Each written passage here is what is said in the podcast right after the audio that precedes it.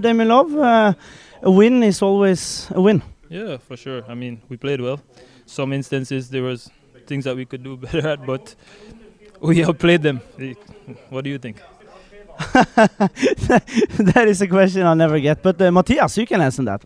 Yeah, uh, all in all, a good match, but uh, some situations that is dangerous.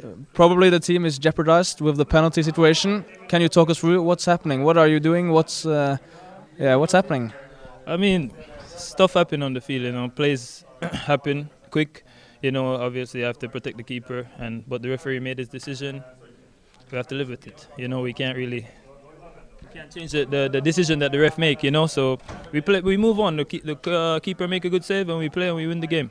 Yeah, great save and a great turning point. But uh, what is happening there? You you are helping the keeper. What is going on? What, can you talk us through exactly what's what's going on? Why why are you in the situation? Why are you talking with Dolman?